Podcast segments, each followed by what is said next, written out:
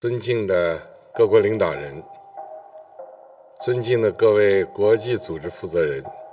Xi Jinping han er en av verdens mektigste menn. Kanskje den mektigste. 尊敬的各代表团团长， Nå er han i gang med sin tredje femårsperiode som leder av det kommunistiske partiet og Kina. Og som leder så rydder han vekk konkurransen og omgir seg med ja-folk. Men nå så skjer det noe mystisk. For én etter én så forsvinner folk i eliten rundt Xi Jinping. Så hvor blir de av? Du hører på Forklart fra Aftenposten, en podkast der vi forklarer én nyhet i hver episode. I dag det vi veit og ikke veit om forsvinningsmysteriet i Kina. Jeg heter Anders Weberg, og det er mandag 18. september. Utenriksjournalist Kristoffer Rønneberg, en av nyhetene som du har bitt deg merke i den siste tiden, den handler om Kina sin forsvarsminister. Hvem er han? Li Shangfu han er en eh, kinesisk general. Han er 65 år gammel, og så kommer han fra Sichuan-provinsen i, i Kina. Og i mars så ble han altså utnevnt til eh, forsvarsminister i Kina. Og det er jo vel og bra, men eh, hvorfor er du blitt så interessert i han? Han er eh, rett og slett borte, han er forsvunnet. Eh, Ingen har hørt noe fra ham siden 29. august, og han har uteblitt fra, fra flere møter som han skulle ha vært på. Altså, Ryktene begynte å svirre i, i forrige uke om at han var i trøbbel, og at dette fraværet hans det hadde å gjøre med en, en korrupsjonsanklage. Og, og spørsmålet ble fort om han fortsatt var Kinas eh, forsvarsminister. Og, og en av grunnene til at folk begynte å spekulere såpass raskt, eh, det var at denne saken lignet veldig på ting vi har sett før, og også ganske nylig i, i Kina. Ja, for dette har begynt å bli et slags mysterie, rett og slett. Én etter én så forsvinner mektige kinesiske menn. Bare poff. De siste to månedene så har det faktisk blitt et ganske vanlig syn. Ting tyder på at det pågår en slags eh, opprydding i det kinesiske forsvaret for tiden. Det er, det er bare en måned siden at eh, Xi byttet ut to av toppgeneralene i, i Forsvarets rakettstyrke, og, og, og for to uker siden så ble Chang Dongfang sjefen for Kinas øverste militære domstol. Han, han ble fjernet etter bare åtte måneder i, i jobben. Ok, så hva veit vi egentlig om denne opprydningen, og eh, hvorfor det skjer? Det er ting som, som tyder på at det pågår eh, en etterforskning knyttet til innkjøp av, av militært utstyr til Luftforsvaret, og, og Li Shangfu, altså denne forsvarsministeren som, som nå ingen vet hvor, hvor er, han har sin bakgrunn nettopp i den delen av, av det kinesiske forsvaret. Eh, en annen teori kan også være at det pågår en maktkamp på innsiden av eh, partihovedkvarteret kjent som Zhongnanhai i, i Beijing. Eh, Xi har samlet veldig, veldig mye makt i, i egne hender de siste ti årene, og han har ryddet eh, mange potensielle rivaler av veien. Eh, Kanskje er det folk igjen i systemet som er misfornøyde og som har utfordret ham på, på en eller annen måte. Altså, noe av problemet med, med totalitære land som Kina, det er at nettopp dette at vi vet så lite, og vi ser så lite av hva som pågår mens det pågår. Eh, Winston Churchill, altså tidligere statsministeren i, i Storbritannia, han sa en gang om, om maktspillet i Sovjetunionen at, eh, at det er som å se to hunder slåss under et teppe, og man vet ikke hvem som har vunnet før vinneren kryper ut igjen. Og, og litt av det samme kan man kanskje tenke om, eh, om Kina i dag. For det er en annen og relativt fersk historie som gjør at verden nå ser litt mer mistenksomt bort på Kina når generaler og forsvarsministre begynner å forsvinne. For det er bare noen måneder siden at utenriksministeren forsvant. Og det var spesielt oppsiktsvekkende. Han var et stjerneskudd i, i det kinesiske utenriksdepartementet. Han, han ble utenriksminister i mars, selv om det, det strengt tatt var flere eh, som var bedre posisjonert enn han til å få akkurat den jobben. Eh, Han var kjent for å ha et godt forhold til, eh, til Xi Jinping, og, og det hjalp nok at han fikk denne topp, toppjobben som, som utenriksminister. Før det så var han eh, ambassadør i USA, og før det igjen så var han kontaktpunktet for mange utenlandske journalister i Beijing.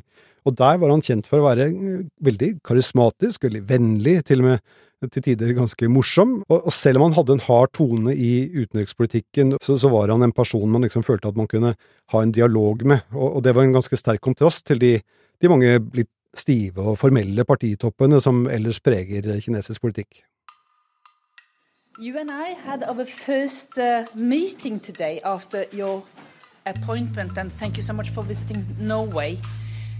China is an important partner, and we just had an open and good discussion on a broad set of issues. 尊敬的维特菲尔特外交大臣女士，各位记者，大家下午好。 Ja, det var, det var, ikke så lang tid etter at han, eh, han besøkte Oslo at Chingang bare forsvant. Det, det gikk noen uker før, før, ryktene begynte å svirre rundt hva som kunne ha skjedd, og etter hvert så kom det en melding fra, fra Beijing om at han hadde noen form for eh, helseproblemer.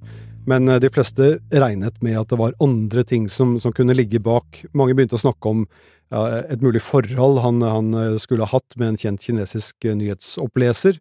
Eh, men nå er det jo ikke helt uvanlig for folk i, i toppolitikken, eh, verken i Kina eller andre steder, å ha, å ha elskerinner, og det er heller ikke noe som har gjort at folk nødvendigvis har måttet gå i, i, Kina. Så det ble fort et spørsmål om han hadde gjort noe for å havne i, i politisk trøbbel, og at han kanskje hadde havnet i Kis unåde på en eller annen måte.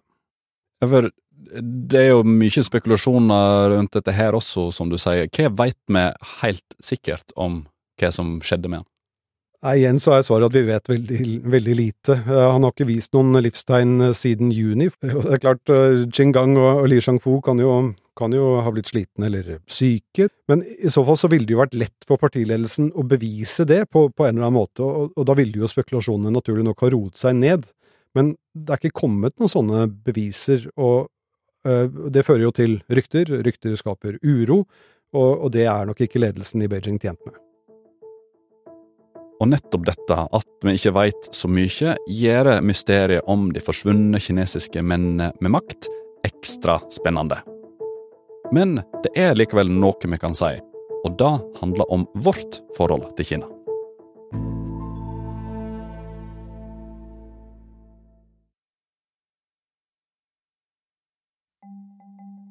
Altså, Kina det er jo langt unna, og har jo ikke så mye å si for meg og deg eh, fra dag til dag. Men det å følge med på Xi Jinping og makten rundt han, det kan faktisk også være viktig for oss. Og når det plutselig forsvinner folk rundt han, så sier det noe om Xi Jinping sin makt. Altså, Xi har nå sittet på toppen av det kinesiske hierarkiet i elleve år. Han ble partileder i, i 2012 og statsleder året etter. Og, og, siden den gang så har han blitt mektigere og mektigere. Vi, vi så i fjor høst for eksempel hvordan forgjengeren hans uh, som partileder, Hu Jintao, han ble rett og slett hentet ut fra partikongressen og, og, ført ut av rommet på en måte som virket å være helt tydelig mot uh, hans, uh, hans, vilje. Og heller ikke da eller etterpå fikk vi noen forklaring på hva som hadde skjedd med ham. Og, det at utenriksministeren og forsvarsministeren nå bare kan forsvinne sånn som de har gjort uh, de siste månedene, det, det, det, kan jo være et tegn på at Kis makt er tilnærmet uh, total, på, på, samme måte som, som den var da Mao Zedong var partileder helt fram til han døde i, i 1976. Men på den andre sida da kan slike forsvinninger skape såpass mye uro i rekkene rundt Xi Jinping at det kan begynne å true posisjonen hans? Altså Hvis jeg hadde vært en av toppene i det kinesiske kommunistpartiet, så, så ville jeg nok vært veldig på vakt akkurat nå. Det, det virker ikke som om noen er, er, trygge. Akkurat nå så ser det ut til at Xi er mektigere enn noen gang, nettopp fordi han har fjernet så mange potensielle rivaler de siste ti årene. Men utrenskningene de, de gir ham jo også fiender. Uh, alle de som er blitt fjernet, synes syns jo ikke noe særlig om det, selvfølgelig. Eh, og håndteringen av pandemien, der, der, Kina var stengt et år lenger enn de strengt tatt trengte å være, kan også ha svekket eh, Xi Jinping. Det samme gjelder økonomien, som, som går dårligere enn forventet akkurat nå. Og i et mer åpent system så, så ville det kanskje vært naturlig at folk stilte spørsmål ved Xis ledelse. Om noen gjør det nå, det vet vi jo veldig lite om, men diktaturets natur gjør det nødvendig for ham å være beinhard og brutal for å beholde den makten han har, og, og, og, det er kanskje akkurat det vi nå ser et utslag av med, med disse utskiftningene. Så om disse som eh, forsvinner vil ha noe å si for Xi Jinping sin makt sånn egentlig, er fortsatt ikke godt å vite. Kanskje har det ikke så mye å si i det hele tatt. Men om vi skal tenke litt på oss sjøl igjen, så kan disse hendelsene faktisk også påvirke oss mer direkte. Hvis vi skal gå litt tilbake til, til Qinggang spesielt, altså denne tidligere utenriksministeren. Da han var her i Oslo, så, så var det en veldig god mulighet for, for utenriksminister Anniken Huitfeldt og for statsminister Jonas Gahr Støre å, å, bygge opp et personlig forhold til, til ham. Og, og, sånne personlige forhold de er veldig viktige i internasjonal politikk. Man, man pleier forholdet mellom land på mange nivåer, men, men, det er veldig viktig at man kan snakke sammen direkte mellom ledere. Og, og utfordringen for alle som nå vil pleie et forhold til, til Kina og Kinas ledere, er i, i, hvilken grad man skal gjøre det når disse lederne plutselig kan havne i unåde og bare, som du sier, poff, forsvinne. Uh, da er jo de aksjene man, man har lagt inn hos folk som, som gang plutselig ganske lite verdt. Men altså, Norge har jo hatt uh, trøbbel med Kina før. God formiddag. Good morning, ladies and gentlemen. Den norske Nobelkomité har bestemt at uh, Nobels fredspris for 2010 skal tildeles Liu Xiaobo. Det havner vi jo i fryseboksen i mange år, og det er jo slike saker som virkelig skaper rusk i eh, det diplomatiske maskineriet, kan du si. I, I, det store bildet, er da den personlige kontakten så viktig? Altså da, da, Liu ble tildelt fredsprisen for, for 13 år siden, så, så, reagerte jo Kina med en full diplomatisk boikott av, av, Norge. Og, og, noe av det skyldtes dårlig kommunikasjon mellom, mellom, landene, og det tok seks år før de klarte å snakke sammen og finne en formulering som, som gjorde det mulig å komme ut av den, av den krangelen på. Og, hvis den norske og kinesiske utenriksministeren, eller lederne på, på et høyere nivå enn det, hadde hatt et bedre personlig forhold, så kunne de kanskje har hatt en telefonsamtale og, og funnet ut av det på, på, et tidligere tidspunkt. Eh, eller kanskje ikke. altså Det kan jo ha vært uh, rett og slett at Kina ønsket å, å straffe Norge så lenge åkke som. Men det å ha en dialog på et uh, godt plan med, med, folk som hadde litt tillit til hverandre, det ville utvilsomt ha vært et positivt bidrag. Til slutt, Kristoffer, vi har vært etter hvert innom en del kinesiske maktmenn som plutselig forsvinner. Begynner det å danne seg et mønster, slik at vi kan eh, eh, anta hvem som er den neste i rekka? Om det finnes et mønster, så er det veldig vanskelig å, å se tydelig, men, men, noe som er interessant, er jo at det er folk i departementene, og også nå i Forsvaret, som, som har forsvunnet. Foreløpig så har ikke Ki, etter det vi vet, rensket ut noe særlig i partiets eh, toppledelse siden partikongressen i fjor. Og, og, nå er han omgitt av, av ja-folk den største skalpen i partiet den, den, fjernet han allerede i 2014, da, da den mektige sikkerhetssjefen eh, Zhou Yongkang ble, ble, anklaget for korrupsjon og kastet ut uh, av, toppledelsen. Og, og, hvis Xi nå igjen skulle begynne å gå løs på folk i partiledelsen uh, nok en gang, så, så, ville det kanskje vært et tegn på en betydelig uro i, i, i Kina. Men vi er ikke der akkurat nå, så vidt vi, så vidt vi vet. Så får vi se da, med, med, tiden om vi får vite hvorfor Xingang og, og Li Shangfu og alle disse andre ble, ble fjernet fra, fra, jobbene sine. Men eh, akkurat nå så er det eh, langt flere spørsmål enn det er eh, svar.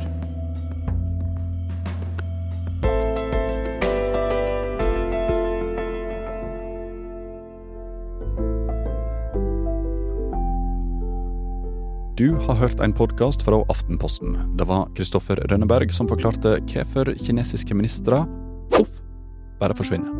Denne episoden er laga av produsent Olav Eggesvik og meg, Anders Weberg.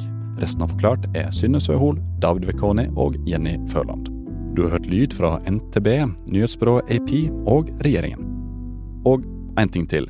Husk at vi har en podkast som heter Dypdykk. Den er for å være ærlig, skikkelig bra.